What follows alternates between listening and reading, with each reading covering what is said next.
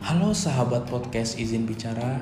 Uh, di sini kita bertemu di episode pertama, di mana topik yang ingin kita bahas adalah mengenai sesuatu yang sering dibicarakan untuk orang-orang di usia saya, terutama untuk usia 20 hingga 30 tahunan kita langsung bahas yaitu mengenai pamer di media sosial atau yang sering kita sebut dengan panjat sosial di mana fenomena tersebut sering melanda khususnya buat teman-teman yang baru lulus kuliah dan sering menjadi bahan pembicaraan hingga menjadi beban mental atau trauma tersendiri bagi seseorang hingga merasa dirinya insecure untuk membuka suatu media sosial karena melihat sesuatu yang dipamerkan oleh orang lain ada timbul dua pertanyaan sebenarnya.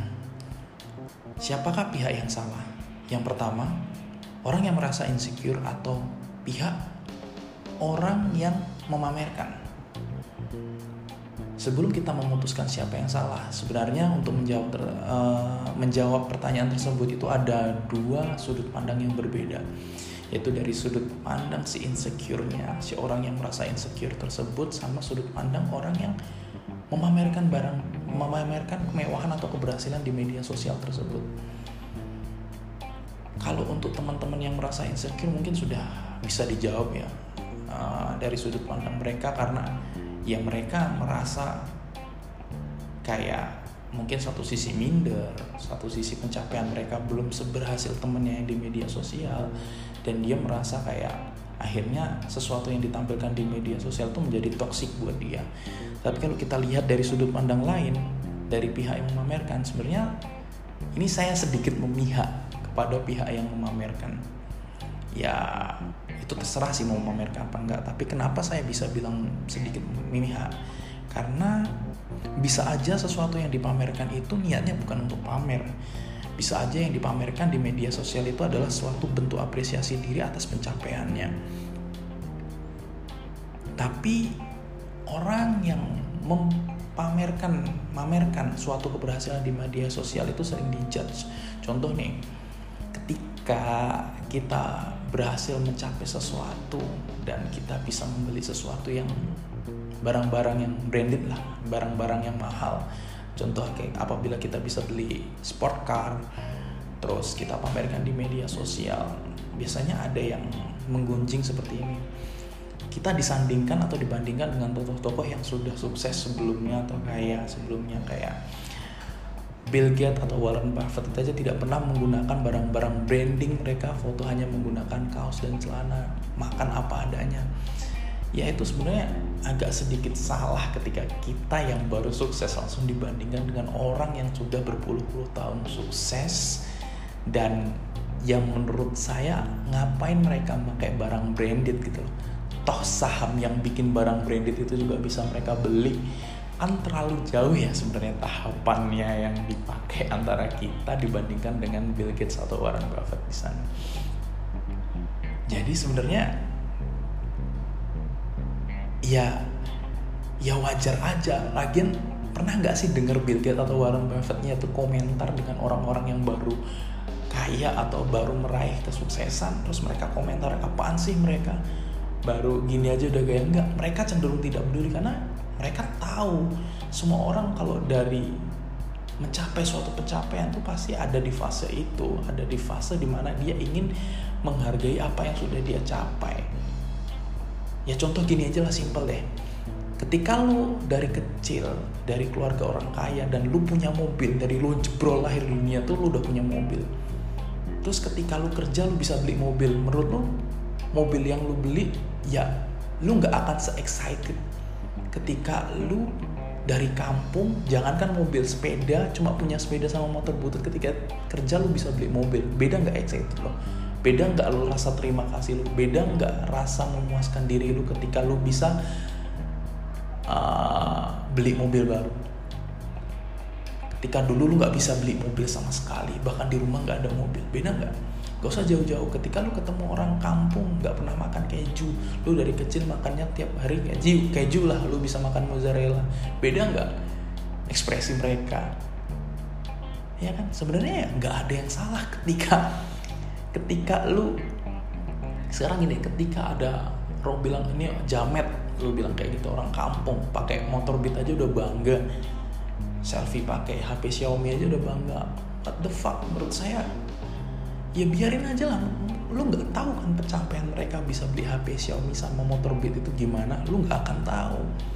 Ya sama kayak ketika lu bisa beli iPhone 11 Pro lu selfie di di apa uh, di di kaca. Terus, terus bagi orang yang kayak kayak si Bill Gates emang pernah selfie pakai HP ya? 11 iPhone 11 Pro dan apa dia komentar dengan orang yang selfie pakai iPhone 11 Pro? Enggak kan?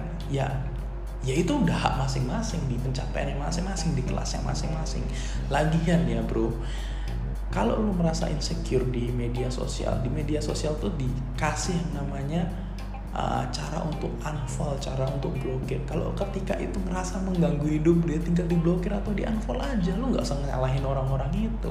Menurut gue lebih banyak yang konten-konten yang harusnya disalahkan daripada orang memamerkan uh, suatu keberhasilan. Itu suatu keberhasilan tuh bisa diambil hikmahnya atau motivasinya ada satu konten-konten yang memang gak ada hikmahnya kan banyak kayak lu cuma joget-joget mamerin sesuatu yang besar tapi bukan motivasi itu menurut lu apa sih? Mending sekalian lu buka X hamster atau apa? Pornhub. Daripada lu buka di Instagram yang kontennya seperti itu kan. Itu menurut saya nggak mendidik kalau hal-hal kayak gitu. Joget goyang-goyang dengan lagu-lagu campur sari yang sudah dioplos ya ketika lu protes dengan pencapaian seseorang menurut gue ada hal yang lebih pantas lu protesin gitu loh. Ini sebenarnya bukan salah orang yang memamerkan. Ya terserah dia niatnya mau pamer hanya sebatas untuk panjat sosial atau hanya untuk senang-senang atau apresiasi diri itu hak dia. Kalau lu nggak terganggu ya tinggal lu unfollow lu block. Nggak ada yang salah sama orang gitu. Yang salah adalah hati lu aja yang terlalu lembek dan sensitif terhadap pencapaian seseorang. Gue bisa judge itu adalah sifat iri yang lahir dari diri lu pribadi. Jadi lu nggak perlu insecure buat lihat orang-orang karena juga ketika orang itu jatuh pun lu belum tentu bantuin dia kan? Terus kenapa ketika dia berhasil dia harus mikirin perasaan lu? Ketika dia mencapai keberhasilan emang lu ada di sebelah dia? Kenapa harus dia mikirin perasaan lu? Enggak kan? Itu pencapaiannya dia masing-masing. Dan semua orang punya timingnya masing-masing. Setiap orang yang berhasil pasti siap untuk jatuh jadi lebih kayak introspeksi sendiri beli cermin ngaca di rumah bro Maimunah dan Bambang. Tolong dilihat gitu bener nggak sih gue lah layak untuk insecure dengan hal-hal kayak itu? Ya terserah lu mau tanggapannya kayak apa. Ini pendapat miring dari pribadi gue karena podcast ini bukan buat memotivasi seseorang lebih ke opini pribadi gue cuma bacotan pribadi gue jadi kalau lu merasa tersinggung atau nggak terima ya itu hak lu. Di sini gue hanya nyampein pendapat yang menurut gue ya gue alamin. Dan gue pernah melihat teman-teman gue yang berhasil jadi duluan dari gue ya gue support. Gue malah gimana caranya kok orang itu bisa berhasil lebih cepet ya? Gue cari tahu bukan harus insecure. Itu kalau gue ya kayak gitu. Lagian gue ada satu quotes nih buat lo yang sering ngerasain insecure. Kalau masalah orang itu nggak mempengaruhi untuk lima tahun hidup lo ke depan nggak usah lo pikirin lebih dari lima menit apalagi lo sampai insecure buat buka sosial media bro bro. Banyak yang lebih penting dari itu. Oke sekian dari opini gue di sini dari podcast izin bicara. Sampai jumpa di episode selanjutnya. thank you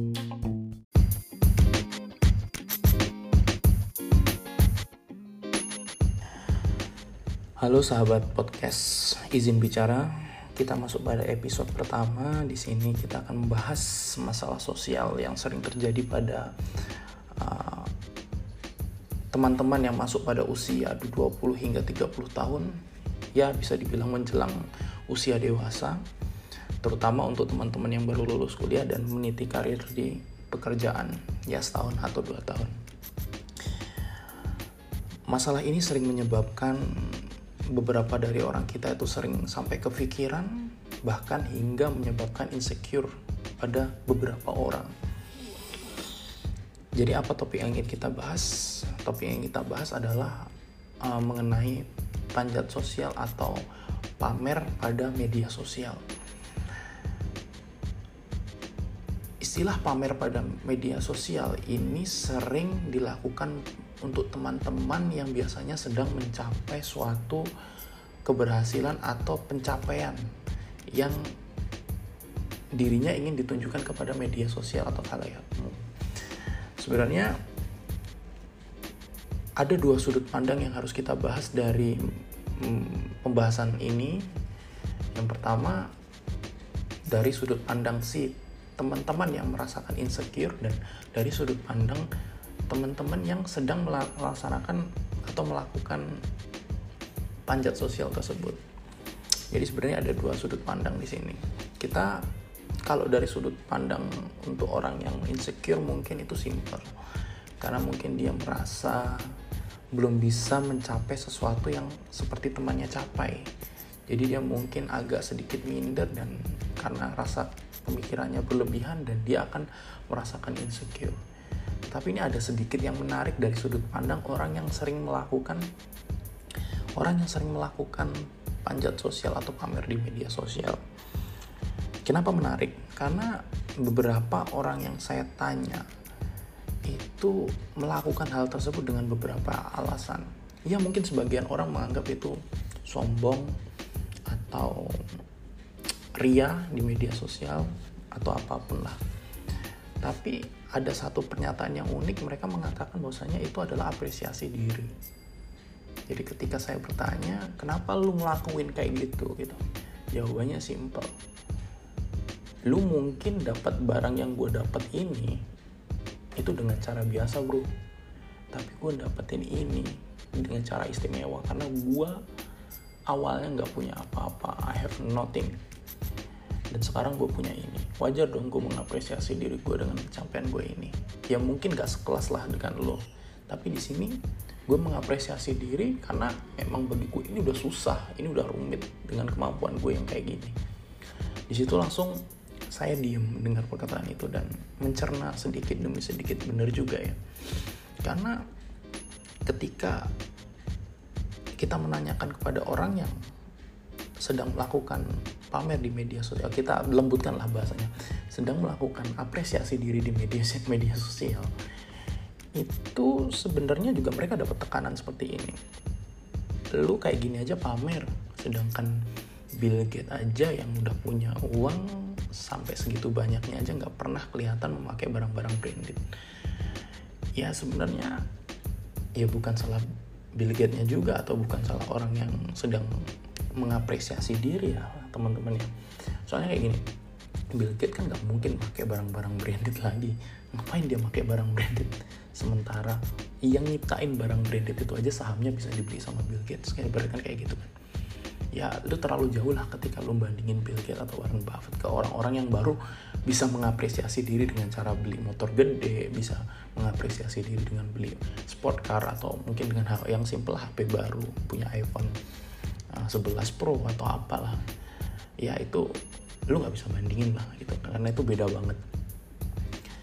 Jadi kita ambil contoh gini aja nih, ketika lo lahir dari kecil dari keluarga yang punya dan lu lahir tuh jebrol itu udah punya mobil. Di rumah lu udah ada biasa mobil ada mesin cuci udah. Pokoknya intinya lu orang kaya lah. Sama ketika lu lahir jebrol rumahnya masih rumah ya maaf ya rumah transmigrasi dan di situ lu nggak punya mobil cuma punya motor butut ketika dewasa orang yang lahir dari keluarga kaya itu punya mobil sport car terus orang yang miskin tadi punya mobil sport car pasti rasanya berbeda Kenapa? Mungkin orang yang kaya tadi melihat podcast sudah udah udah udah udah biasa gitu. Tapi buat lo yang awalnya dari dari orang nggak punya itu pasti luar biasa. Makanya kadang apresiasinya sampai dianggap berlebihan sama orang yang biasa. Cuma sih feeling gue juga orang yang udah biasa punya kayak gitu juga nggak akan ngomongin kayak gitu. Justru orang-orang yang komen atau yang insecure biasanya orang yang nggak bisa mencapai dan iri. Mereka ada di level yang sama dengan standar yang sama tapi mereka nggak bisa nyampe di hal itu. Itu rata-rata. Orang-orang yang komen atau yang ngejudge yang gitu biasanya yang ada di level itu. Untuk orang yang udah biasa punya malah biasanya mereka ya udah nikmatin aja. Itu memang pencapaian jadi ketika lu lihat ada orang punya motor Beat sama HP Xiaomi udah bangga bisa boncengin cewek di pinggir jalan ya lu sebenarnya nggak usah ngejudge itu. Ya mungkin bagi lu norak tapi bagi dia mungkin beda. Karena bagi dia bisa kredit motor Beat itu udah suatu pencapaian yang ngeri. Apalagi sampai dimodif menyisihkan uang lu dimodif itu udah pencapaian. Ya jadi intinya cukup menghargai aja dan lu tau lah timing lu gitu. Jadi ketika lu malah ngebacotin kayak gitu intinya lu tuh yang iri sama orang yang dalam pencapaian tersebut. Ya buktiin aja lu nggak iri dengan cara lu lu diemin aja. Lagian kan lu lihatnya di media sosial. Di media sosial tuh ada cara buat unfollow atau untuk blokir akun seseorang. Jadi lu nggak usah ribet-ribet sebenarnya kayak gitu. Dan dan yang paling penting lagi sih menurut gue ya intinya buat apa sih lu ngurusin masalah orang yang nggak akan ganggu hidup lu gitu loh. Gue sih ada satu quotes yang selalu gue pegang. Kalau ini kalau ada masalah dan masalah itu nggak ganggu lima tahun masa lalu ke depan nggak akan jadi masalah lu buat lima tahun ke depan. Itu nggak usah lu pikirin lebih dari lima menit. Apa salahnya orang dengan selfie dengan lu bilang jamet lah apalah. Itu apa salahnya? Nggak akan ganggu dengan lima tahun hidup lu ke depan. Cukup nggak usah pikir. Lu cukup oke lu anggaplah anggap lu nggak suka ya cukup lu caci dalam diri diri, diri lu sendiri gitu. Anggap anggap aneh lu nggak suka gitu. Nggak usah lu utarain lu malah lu sebut jamet lah lu sebut apa. Ya ya lu kan cuma konflik dan lu di situ jadi kayak orang bodoh gitu. Dan buat yang pencapaiannya lebih dari kita ini kan tadi kan ketika lu berada di, dibandingkan dengan orang yang atas dan kita melihat yang level bawah. Ini sekarang dibalik nih untuk yang pencapaiannya di atas kita ya simple kalau lu memang belum bisa capai dengan pencapaian yang di, yang dicapai teman lu yang dipamerkan di media sosial lu nggak suka blok atau unfollow. Simple. Kalau lu mau lebih bijak lagi lu manfaatin itu sebagai motivasi lu. Karena gue kayak gitu gue semakin gue deketin ketika ada teman-teman gue yang berhasil di bidang A. Bukan gue jauhin atau gue caci. Karena pasti ada setidaknya kalau kita dekat dengan circle orang-orang yang bagus kita akan dapat manfaatnya yang bagus juga. Jadi itu sih uh, podcast episode pertama ini buat teman-teman semua. Ya intinya jangan netting terlalu berlebihan lah dengan masalah orang apalagi nggak ganggu masalah lu gitu. Dan jangan terlalu jangan judge orang terlalu cepat gitu. Ya sekian dari podcast izin bicara. Di sini gue pamit dan semoga lu enjoy sama obrolan yang udah uh, eh, gue utarain ini ini cuma curahan hati gue yang selama ini agak sedikit ganggu lah thank you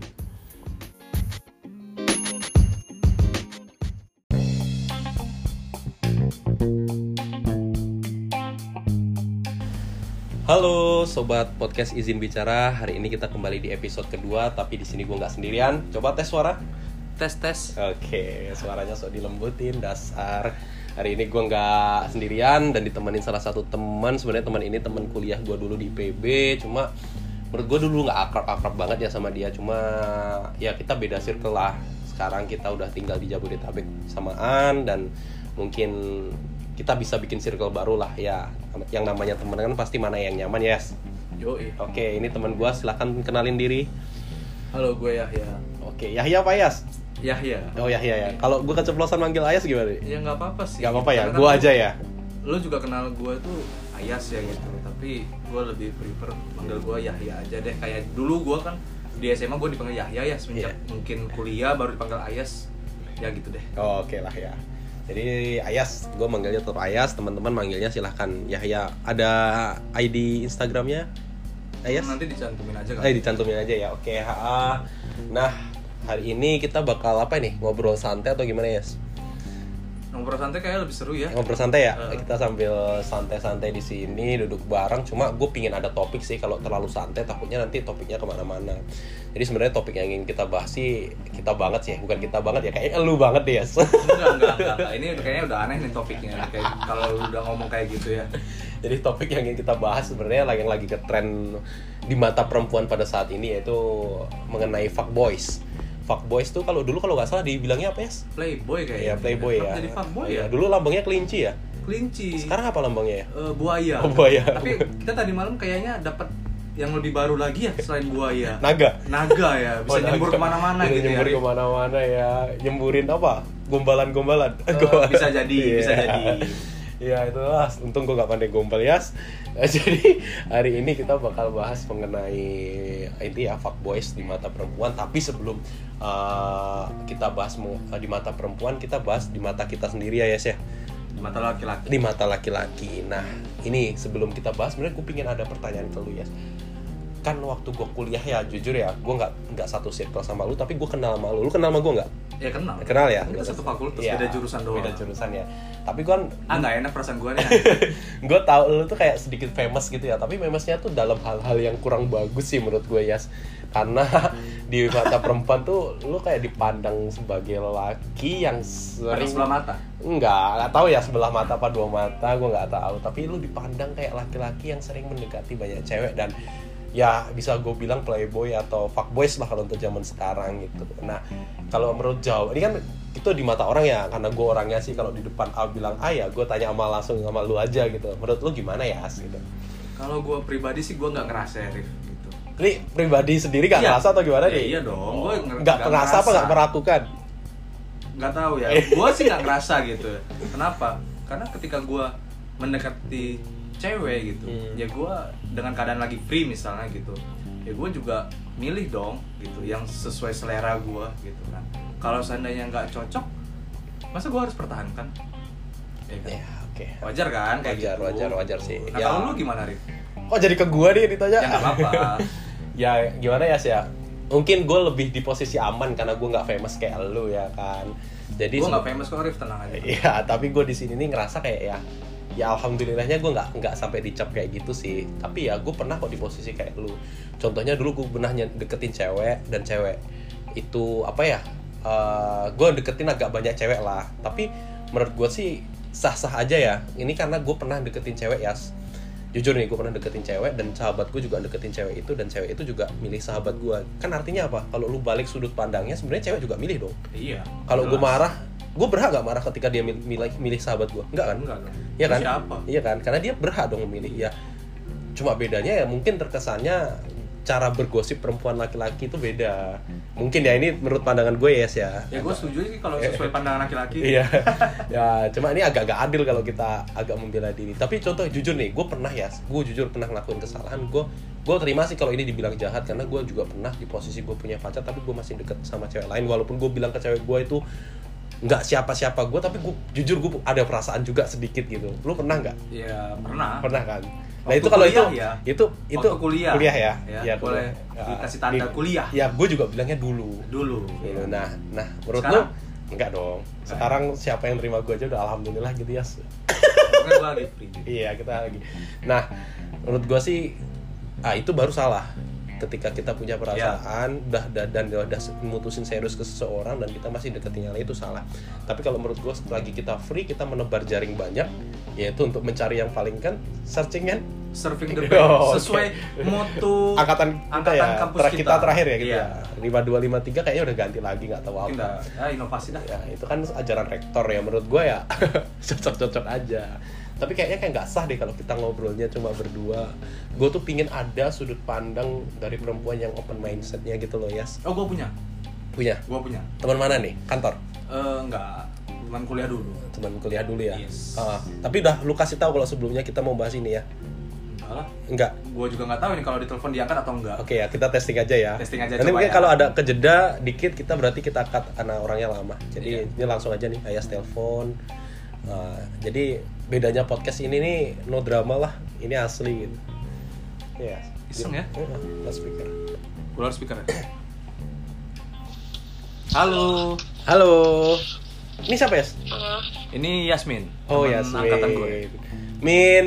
Ini gua Arif, lu Iya. kenal kan sama gua kan, Arif? Iya. Arif teman Ayas yang di NTT 51 jadi ini Min hari ini kita mau bikin podcast cuma podcastnya itu udah gua tentuin topiknya gitu sama Ayas nah Iya. tapi gua butuh dua sudut pandang nih kan nggak adil ini membahas antara sudut pandang laki-laki dan perempuan kalau yang ngobrol laki-laki doang kan pasti yang menang laki-laki ya Min ya I- ya bisa jadi Iya kan gitu. Tapi kalau ada perempuan kan walaupun yang menang laki-laki setidaknya ada pembelaan dari perempuan yang benernya gimana gitu. Maksud gue kayak gitu Min. Oke Oke, jadi ini Min, gue sebenarnya ini agak agak-agak menyinggung Ayas ya karena tema yang gue angkat ini sebenarnya yang sering Kenapa jadi gue sih? yang yang pernah menimpa Ayas gitu ya. Ini Min, Oh, gitu. kalau dulu kan Oke. zaman gue SMA awal kuliah tuh laki-laki yang nakal tuh sebutannya kan playboy ya. Sekarang kan udah Hmm. ganti lagi ya fuckboys gitu ya. Nah, Mm-mm. Gue tuh sebenarnya mau nanya sama Yasmin nih, nggak gue ya, gue sama Ayas nih. Gue mau nanya sama Yasmin dan Ayas mau nanya sama Yasmin. Menurut lu tuh fuckboys tuh gimana sih? Definisi fuckboys tuh? Yang sebenar-benarnya Ah dari hati lu, gue nggak akan sakit hati kalau lu ngomong laki-laki gimana. Gitu. Sebenarnya kalau yang sekarang udah banyak yang miskonsep nggak sih kalau misalnya sebutannya fuckboy padahal dia cuman ganti-ganti cewek doang gitu. Gak Ya. tahu sih gue juga gimana bisa awal terciptanya fuckboy Nah, itu tapi fuckboys yang sebenarnya tuh gimana, Min? Maksudnya menurut lu? Hmm, Definisi lu nih seorang perempuan Yasmin gitu. kalau gue sih gue nggak nggak nggak iniin. Maksud- maksudnya apa ya, fuckboy itu bukan sebuah definisi sih. Kalau gue itu cuman cuman apa ya? Cuman bercandaan-bercandaan doang nggak sih? Sebuah ungkapan. Kalau bagi gue playboy playboy aja. Brengsek brengsek aja gitu. Kalau gue ya. Gitu. Ap- jadi kalau misalnya sekarang ada ada statement oh lu fuckboy nih. Eh, itu mungkin karena lagi booming aja kali ya tapi kalau menurut bagi gue sih playboy sama brengsek itu ya dua hal yang berbeda sih Oh, kok bisa beda, Min? Bedanya apa? Brengsek tuh gimana? Playboy gimana? eh orang playboy belum tentu brengsek brengsek gimana ya dalam artian gimana ya Jujur aja nih podcastnya nggak akan dia apa kok. Jadi kalau ada salah kata juga bisa gue cut gitu. oke Ya.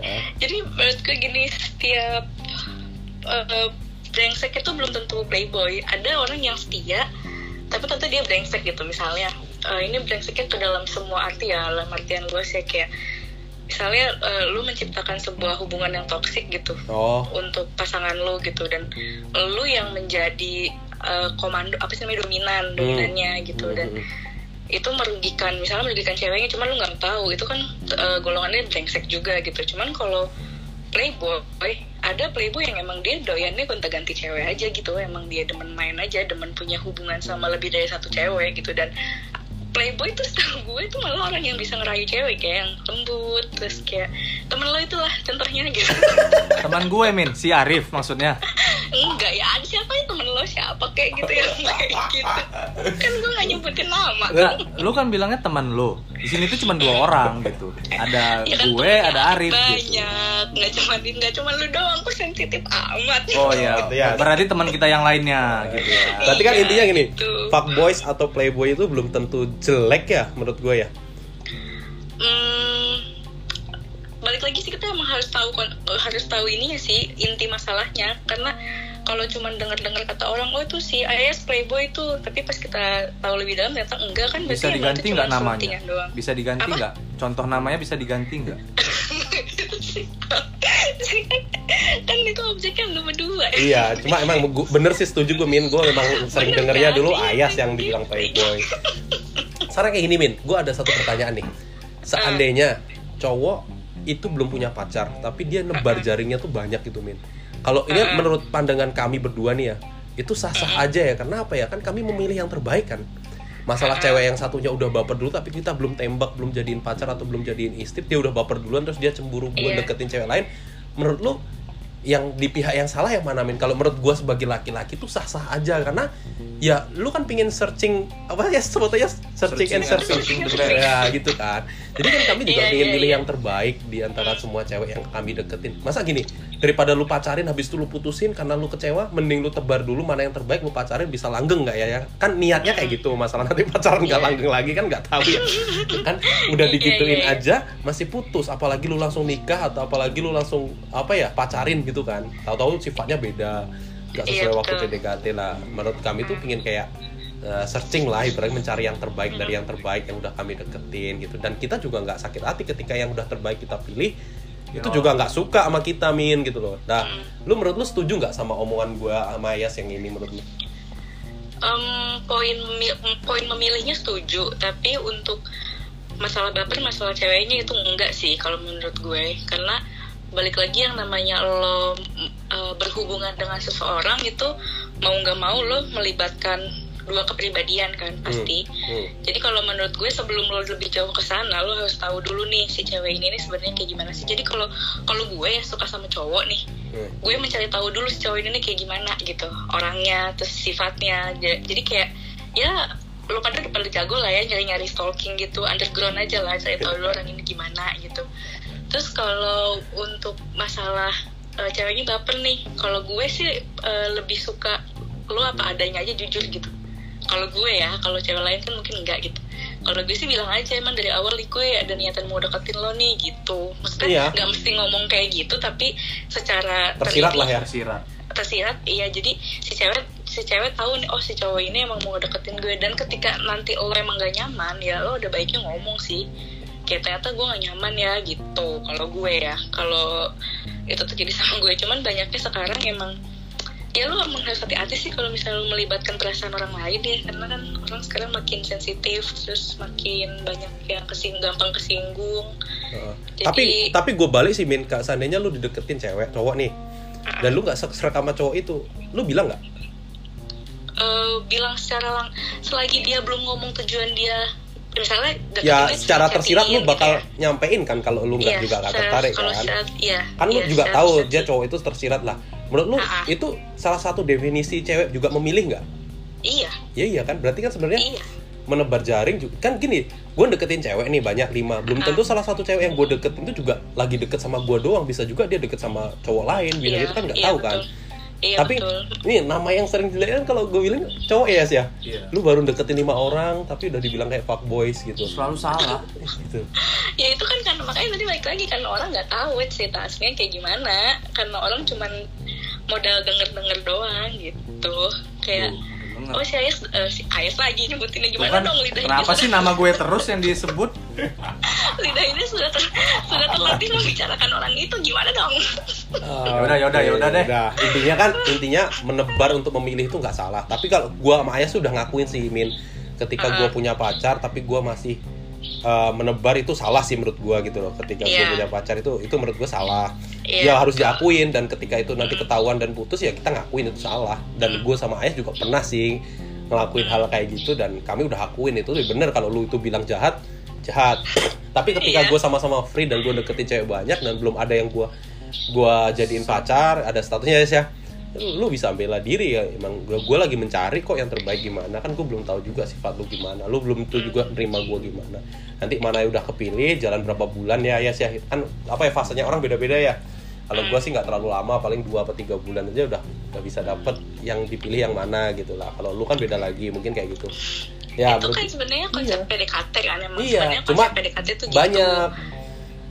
Cuma balik lagi ke ini sih menurut gue kadang tuh ya kadang eh, cewek-cewek nih banyak yang salah paham sama sebuah sifat yang bukan sifat lebih ke sikap lah ya sikap yang sebelumnya dia nggak pernah dapetin gitu makanya kenapa berujung pada baper misalnya Oh. eh, awalnya gue nggak pernah eh, diperlakukan manis sama cowok kayak dia terjemput dibeliin makanan nggak pernah dan ketika ada Emang nggak yang pernah, memperlakukan kan misalnya Oh. Bang.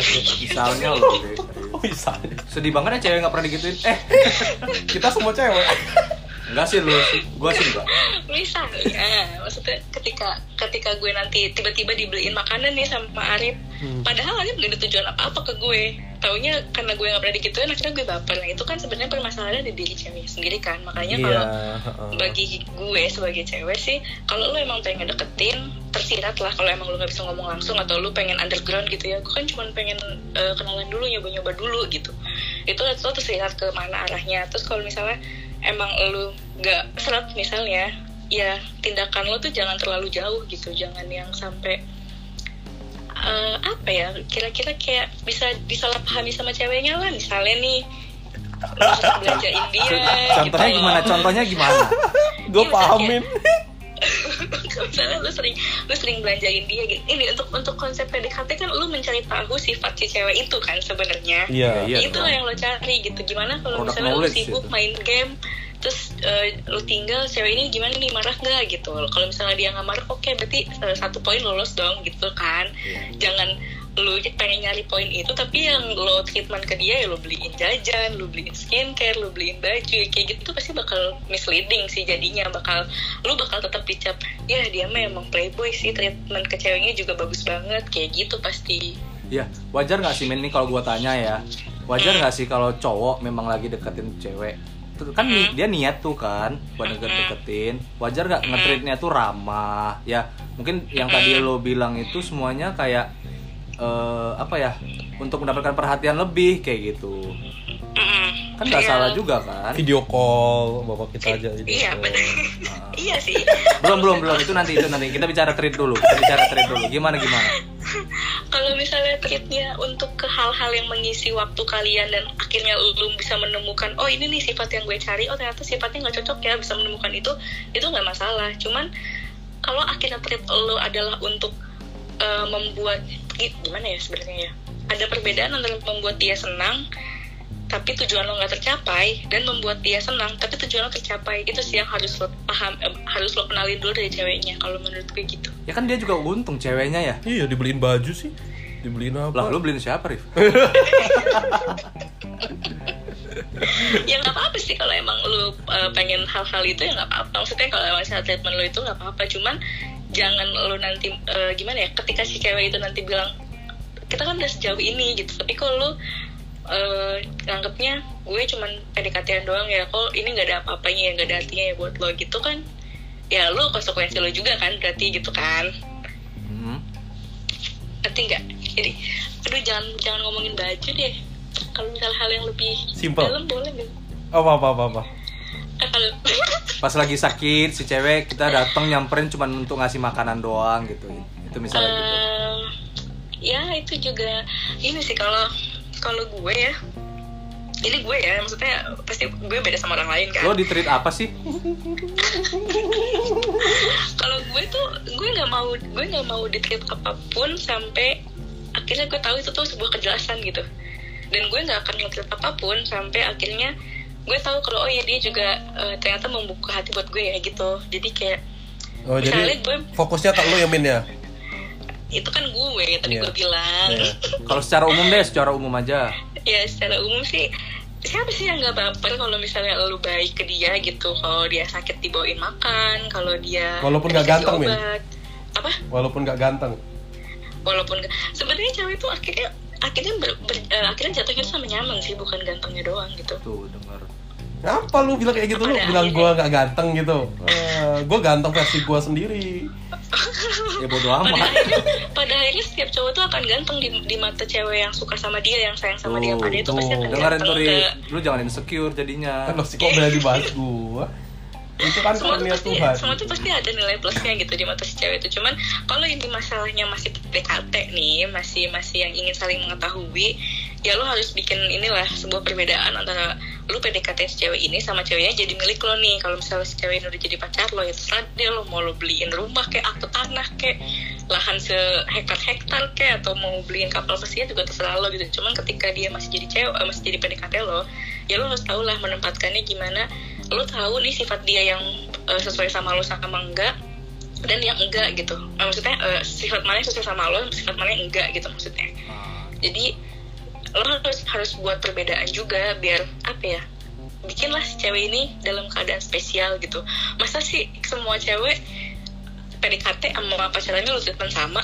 Apa spesialnya ya nggak sih? Gitu kalau gue ya kayak gue kalau lagi PDKT lebih suka ya udah ngobrol aja lo pengen tentang personality- pacaran beda lagi gue. min spesialnya lebih Nah. lebih mendalam min Eh, kalau iya. kalau lu PDKT udah dibeliin baju lu pacaran nah, dibeliin itu maksud apa gue itu body, maksud les, gue body lotion Body lotion dong, body shaming. Oke, Min. itu maksud gue Min, ada pertanyaan Nah. terakhir nih, Min, dari kita. Ap- apa kan eh, masalah yang paling utama tuh banyak sekarang itu bilang kayak ada nih cowok yang deketin gue nih misalnya si cewek nih ya. Eh, kita sih chat intens gitu ya. Terus telepon juga udah mulai intens kemudian video call juga tuh gitu kan. Nah kalau menurut gue menurut gue ya pribadi ya lu pakai salah satu sosial media itu aplikasi itu sendiri gitu kan fiturnya banyak tuh. Ada chat ada telepon ada video call ada voice note dan lain-lain gitu ya. Wajar nggak sih kita pergunakan? Tapi kenapa cewek-cewek itu mensalah artikan bahwasannya kayak kalau lu dari tahap telepon, video call udah pasti banget lah gitu. Itu gimana ya tanggapan lu? Kalau gue sih bukan termasuk golongan yang itu jadi gue juga pasti mikirnya ini sih Iya, lu juga sering video callan sama Ayas, bang lu baper sama Ayas. iya maksudnya iya maksudnya gitu gue bukan Karena gue gue bukan HP gue sepi Rif, sumpah. iya iya kan sama kan lu video call yang lain karena sepi gue kan. bukan iya. tipe orang yang ketika ada cowok nih ngechat gue intens terus video call telepon terus, terus gue bakal mikir oh dia suka sama gue gitu enggak gue bukan tipe yang kayak gitu maksudnya karena teman teman teman cowok gue jujur ya banyak banyak lumayan yang sering chattingan teleponan juga banyak jadi kayak kalau untuk masalah video call telepon tuh menurut gue masih di tahap normal lah kalau gue ya kalau Berarti gue pada memang ceweknya aja kebaperan ya? balik lagi ke ini sih karena dia punya harapan itu sih Ya sebenarnya cowok sih ngasih Makanya- harapan. Gua sih sekolahnya harapan dulu di Medan. tapi ada juga yang sebenarnya cowoknya nggak ngasih harapan nih cuman ceweknya emang yang berharap aja sendiri gitu padahal cowoknya nggak ngapa-ngapain. Ada aja yang kayak gitu. Lo Itu tau balik gak sih Min, istilah kayak kita berbuat baik itu kan kepada semua orang ya. Terus emang Iya. salah kita berbuat baik kepada semua cewek? Gua sih nggak ikutan ya. Loh, loh kita berbuat baik loh Eh, Apa yang salah dengan berbuat- baik? Berbagi, beramal, membelikan baju pada Ya yang enggak lah kalau membutuhkan sampai kayak gitu ke setiap cewek. Ya tergantung niat lo sih awal ya balik lagi kalau misalnya. baik gua kecuali setiap ceweknya misalnya di panti asuhan gitu loh beliin baju itu emang bagus beramal Itu sedekah namanya. Lo Sedekah kalau cewek-cewek cakep doang itu lo pilih emang lo Iya. nyari gitu mah Iya ya, salah kita ya Kita kita lagi lu. Kenapa jadi gue? ya itu lagi balik lagi kayak eh, misalnya nih ya udahlah bodo amat ya teman gue aja ya contohnya Hmm. teman gue nih baik nih sama setiap orang gitu misalnya Yes. cuman karena image dia itu seorang playboy cap kampus gitu kan. Gua tahu siapa ini. Ya jadi ketika ada cewek yang misalnya di DM aja sama dia terus jadi kayak aduh gue di DM sama orang ini nih aduh gue di DM sama orang ini. Padahal sebenarnya biasa aja gitu. Ini contoh. jadi kan itu contoh. Jadi emang balik lagi balik lagi ke pribadi ceweknya juga sih. Ada cewek yang gampang baper ada cewek yang eh, susah banget buat baper ada juga yang pasti dia nanya-nanya dulu lo mak tujuan lo kayak gini apa? Ada yang belak-belakan ada yang diem-diem aja. Kan semua cewek kan pasti beda-beda karakteristiknya kan. Cuman ketika ada yang baper kan lu udah punya image nih misalnya Arif nih image-nya ya ampun si Arif nih eh, dia jago banget deh kalau deketin cewek. Terus lu, lu dicap eh, sebagai Amin. setiap dapetin cewek eh setiap deketin cewek pasti dapet gitu. Dan ketika ada cewek yang baper lo nggak boleh marah sama si cewek yang baper itu. Itu perasaannya dia terserah dia gitu. Cuman kalau misalnya dia udah sampai ngeganggu annoying atau sampai menuntut lo untuk Nih kayak gimana ya lo tegasin kalau emang lo nggak suka kalau gue sih gitu Oh suka iya. gitu Jadi bapernya itu nggak salah ya Min ya. Jadi titik Jadi- poinnya dari sini nih. iya Cowok menebar untuk memilih itu nggak salah, cewek baper itu juga sebenarnya nggak salah karena mungkin aja Iya. ada treatment yang belum pernah dia dapat dan dia dapatnya di kita gitu ya kan. betul Jadi yang Iya, disalahkan gitu. itu kalau dari cara menebar dan cara bapernya itu udah sama-sama bikin toxic gitu ya. Iya, kalau Berarti titik poinnya itu berarti sebenarnya nggak ada fuckboys, nggak ada playboy ya hanya sudut pandang aja ya Min ya. Gue Intinya gitu cowok ya. salah. Intinya cowok salah tetap. Udah titik itu aja. Eh, eh, Enggak, gue gak bilang Enggak, ada bilang kayak gitu ya. Ini ini poin yang gua gua udah simpulin lo, kacoin lagi itu simpulinnya tadi. Tadi pokoknya intinya nebar jaring itu nggak salah ya asal posisi lu memang lagi free dan cewek baper ke kita tuh jangan salahin kalau dia baper sama kita. Yang penting dia nggak ganggu kita setelah baper. Kebaperan dia tuh nggak ganggu kita untuk seandainya nih cewek yang A baper sama lu, lu udah seraknya sama cewek yang C lu milih C dan dia ganggu lu sama C lah itu baru salah. Dan ketika dia waktu posisi lu masih nge-treat dia baper ya itu hak dia, dia punya perasaan buat baper ke kita gitu. Betul. Lu sambil Gitu. ngaca ya, Rif? Itu gimana ya? Tapi yang penting lo jelas ya, maksudnya kalau emang lu gak suka sama dia dan ketika dia udah, lu pasti bisa kerasa lah kapan dia baper, kapan dia udah mulai nyariin lo segala macam, tapi lo gak suka ya lo bilang gitu. Jangan sampai dia hidup dalam harapannya sendiri gitu loh jangan sampai dia nungguin lo terus terus kayak dia bingung nih maksudnya apa ya tapi kok tiba-tiba ngilang gitu Hmm, Oke Min, berarti udah ya, udah jelas hari ini kita udah dapat narasumber dari Yasmin dan kita dapat kesimpulannya. Ya Yas ya, udah sedikit jelas ya terbuka ya. Iya, sudah kita ketahui semuanya ya. Iya. dari Sudut pandang laki-laki dan perempuan. Heeh, jadi sebenarnya ya tergantung sudut pandang lu mau pakai apa deh. Ini udah kayak ibaratnya kayak kepercayaan lu lah, religi lu. Lu mau nganggap apa kayak lu mau percaya sama agama A, percaya sama agama B ya lu nggak bisa nyalahin emang sudut pandang lu percaya sama agama A dan sudut pandang lu percaya sama agama B. ya menurut gue sih kesimpulannya ya daripada lu gunain dua tangan lu buat nutup mulut-mulut orang yang ngomongin lu ya mending lu tutup telinga lu aja kalau lu diomongin kayak gitu gitu loh. Gue sih lebih mending jalan sendiri aja. Iya iyalah terserah lu lah gitu ada omongan ya udah. Iya berarti kan intinya nggak ganggu lu lah ya omongan itu ya. Ya ini buat cewek-cewek yang lagi kenal sama Ayas enggak enggak aduh lu ngerusak ini kenapa jadi gue? Ya intinya itulah. Thank you banget buat Yasmin. Oke. kita closing udah udah cukup lama ini udah 26 menit. Wah kita Oke. lumayan lama udah kayak punya Deddy Kobuzer nih.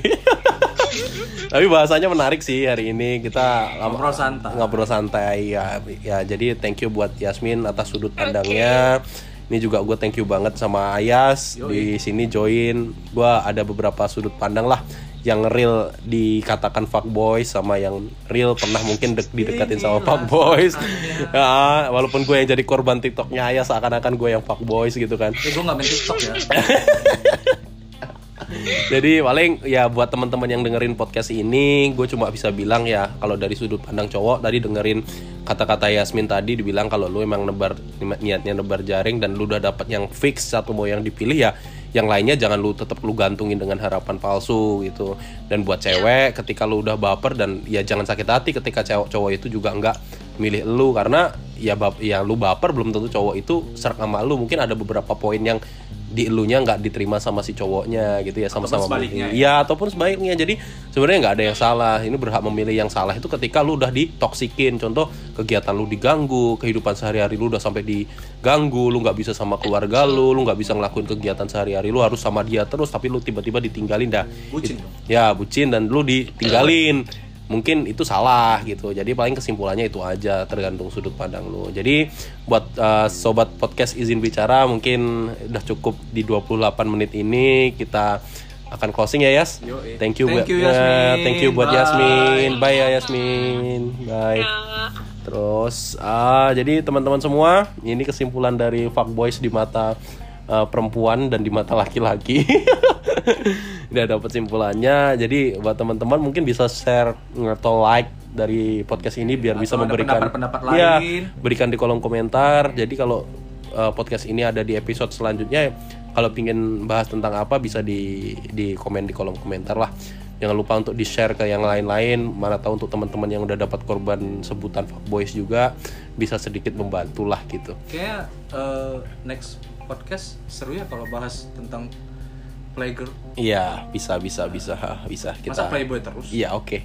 Jadi uh, see you di episode selanjutnya buat teman-teman semua. Terima kasih udah dengerin podcast ini. Kami akhiri. Sa- Salam bahagia buat semuanya. Salam dari sobat podcast izin bicara. Dadah. bye